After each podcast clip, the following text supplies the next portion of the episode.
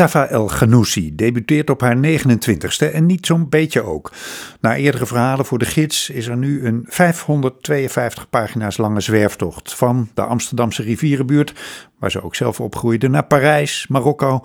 Nou ja, zeg maar door Europa, of eigenlijk Europa, zoals Marokkaanse Europeanen Europa noemen.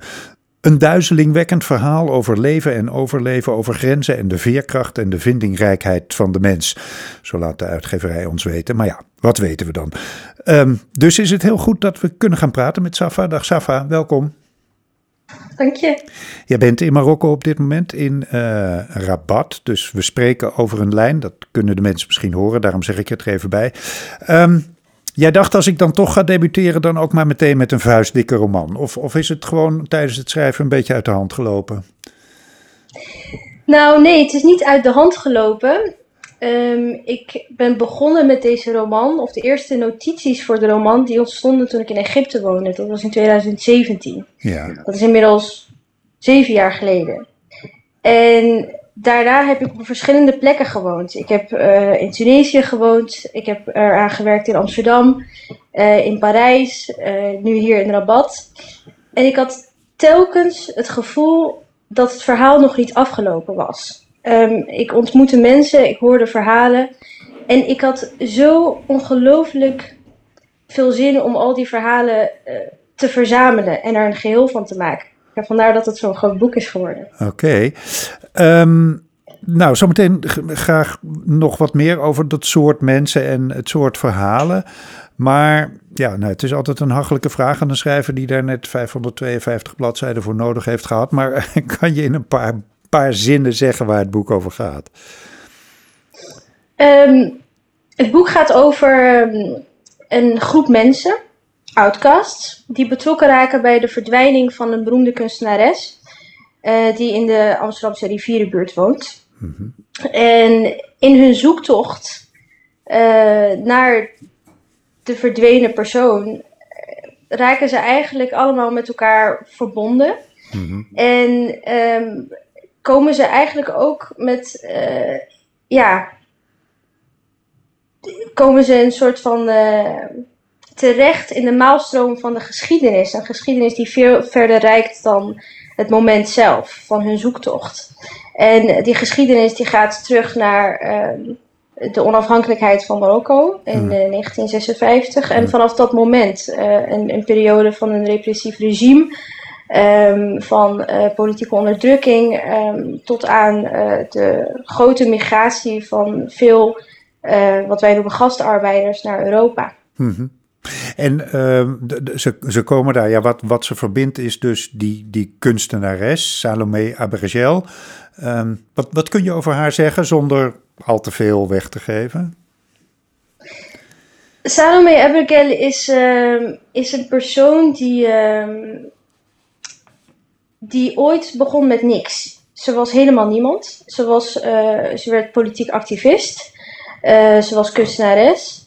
En om die reden werd zij uh, gevangen genomen.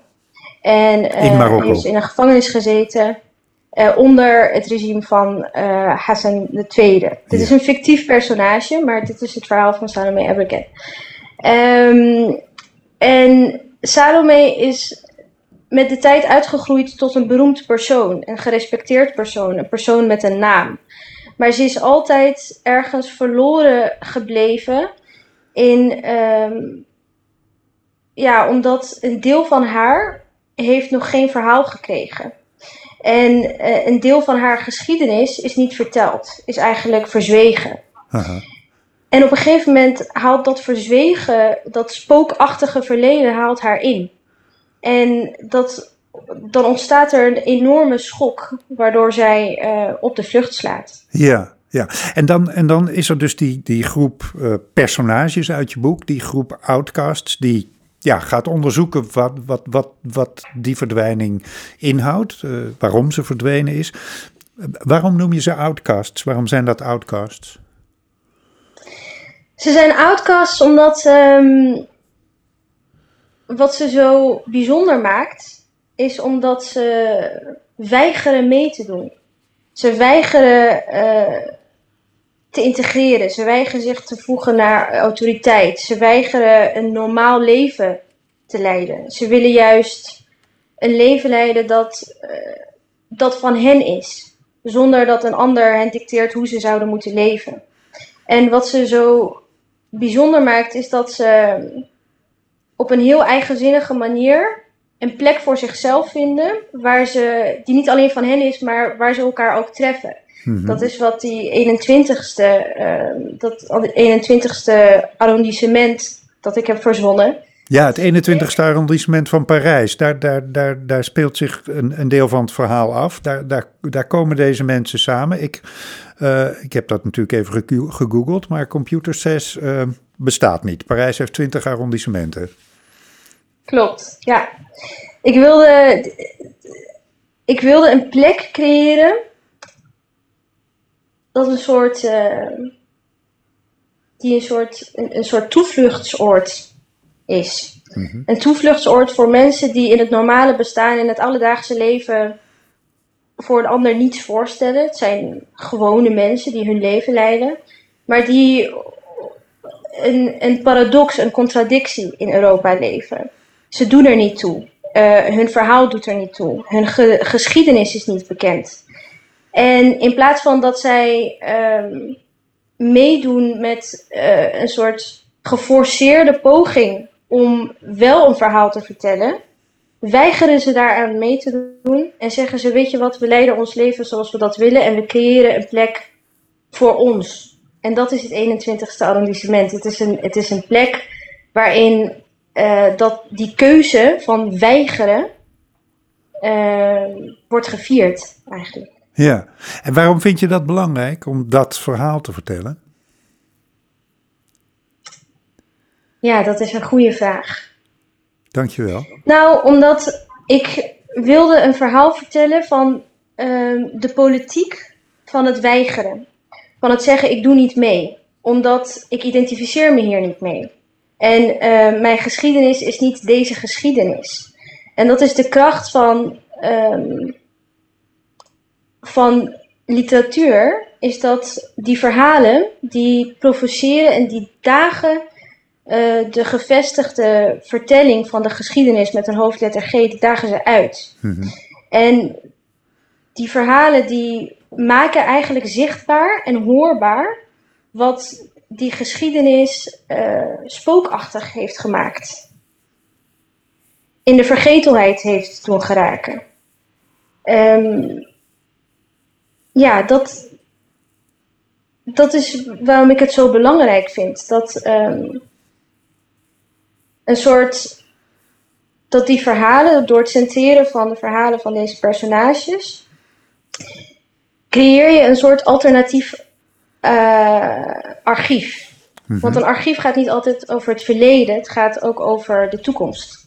En dit is wat dat betreft een soort, deze roman is eigenlijk uh, een project van een anarchief. Uh, want de kracht van een anarchief is dat het zich niet laat dicteren. En het laat zich niet vastgrijpen. En het laat zich niet domineren. Nee, nee. Uh, dat is wat het zo ongelooflijk fascinerend maakt. Ja, maar het is wel uh, bestaande geschiedenis voor al die individuen. Het is wel hun, hun concrete geschiedenis. Wil je, wil je er ook mee zeggen dat wij, en dan, en dan heb, ik me, heb ik het maar even over mezelf als, als, als witte Nederlander, um, dat wij gewoon eigenlijk veel te weinig weten van onze samenleving, die inmiddels ook uh, gekleurd wordt door heel veel migranten, waarvan we de verhalen eigenlijk helemaal niet kennen? Ja, het is grappig dat je het woord bestaan gebruikt, omdat iets wat, waar niet over wordt gesproken en iets wat niet volgens de standaarden van geschiedschrijving wordt uh, uh, verspreid en, en gekend, hmm. dat bestaat eigenlijk niet. Dat heeft een spookachtig leven. Ja. Het is er wel, maar het is spookachtig. Ja. En dat spookachtige, dat, daar zit wat mij betreft de, de, da, daar zit een soort kracht in. Dat je, dat je dat verhaal vertelt. Het is een geschiedenis die echt heeft bestaan. Het is ook een werkelijkheid die, die er is. Maar het voegt zich niet naar de standaarden van de gevestigde orde. Mhm. Het is altijd een grote weigering om mee te doen. Mhm. Eh, en te respecteren en te accepteren dat er zo'n enorme rijkdom is aan personen, personages, verhalen, stemmen. Ja. Dat heb ik ook uh, begrepen, dat, uh, nou ja, dat dat een van de dingen is die jou, jouw boek uh, zo fascinerend maakt. Dat er een enorme rijkdom aan personages en, en verhalen is. Je zei net zelf al een beetje wat je bronnen waren, Egypte, Tunesië enzovoort. Maar nou ja, na, natuurlijk ook Marokko. En je had het al over die, die repressieve geschiedenis van Marokko. Um, even tot slot, die verhalen daarover. Waren dat verhalen die bij jou al bekend waren? Of moest je daar heel erg naar op zoek, naar de verhalen over de repressie onder Hassan II in Marokko? Ja en nee. Ik kende die verhalen. Ik, ik, ik uh, ben opgegroeid in een gezin waar niet veel werd gelezen, maar wel veel werd verteld. En er waren altijd verhalen en er waren altijd anekdotes. Ik heb heel veel uren in cafés doorgebracht, tot diep in de nacht. En ik dacht, hoe kan het toch dat ik niks weet van de, de, de historische achtergrond en de politieke context van deze verhalen? Toen ben ik me daarin gaan verdiepen. Dus ik kende het wel, maar het had voor mij nog geen uh, samenhang. En die heb je er nu zelf aan gegeven, bedoel je te zeggen? Precies. Oké, ja. Dus eigenlijk, als ik het goed begrijp, heb jij um, het geschiedenisboek van Europa geschreven wat nog niet geschreven was? nou, dat klinkt wel heel officieel. ik heb een. Um, als ik dit boek zou kunnen beschrijven, dan heb ik door middel van verhalen heb ik uh, bijgedragen aan een groot anarchief. Een groot anarchief. Waar heel veel mensen op dit moment aan werken. En in leven. Oké, heel, hartelijk, heel hartelijk bedankt uh, Safa. Het, het boek Europa van uh, Safa El Ghanouchi verschijnt in mei bij uitgeverij Pluim. Dankjewel. Ja, bedankt.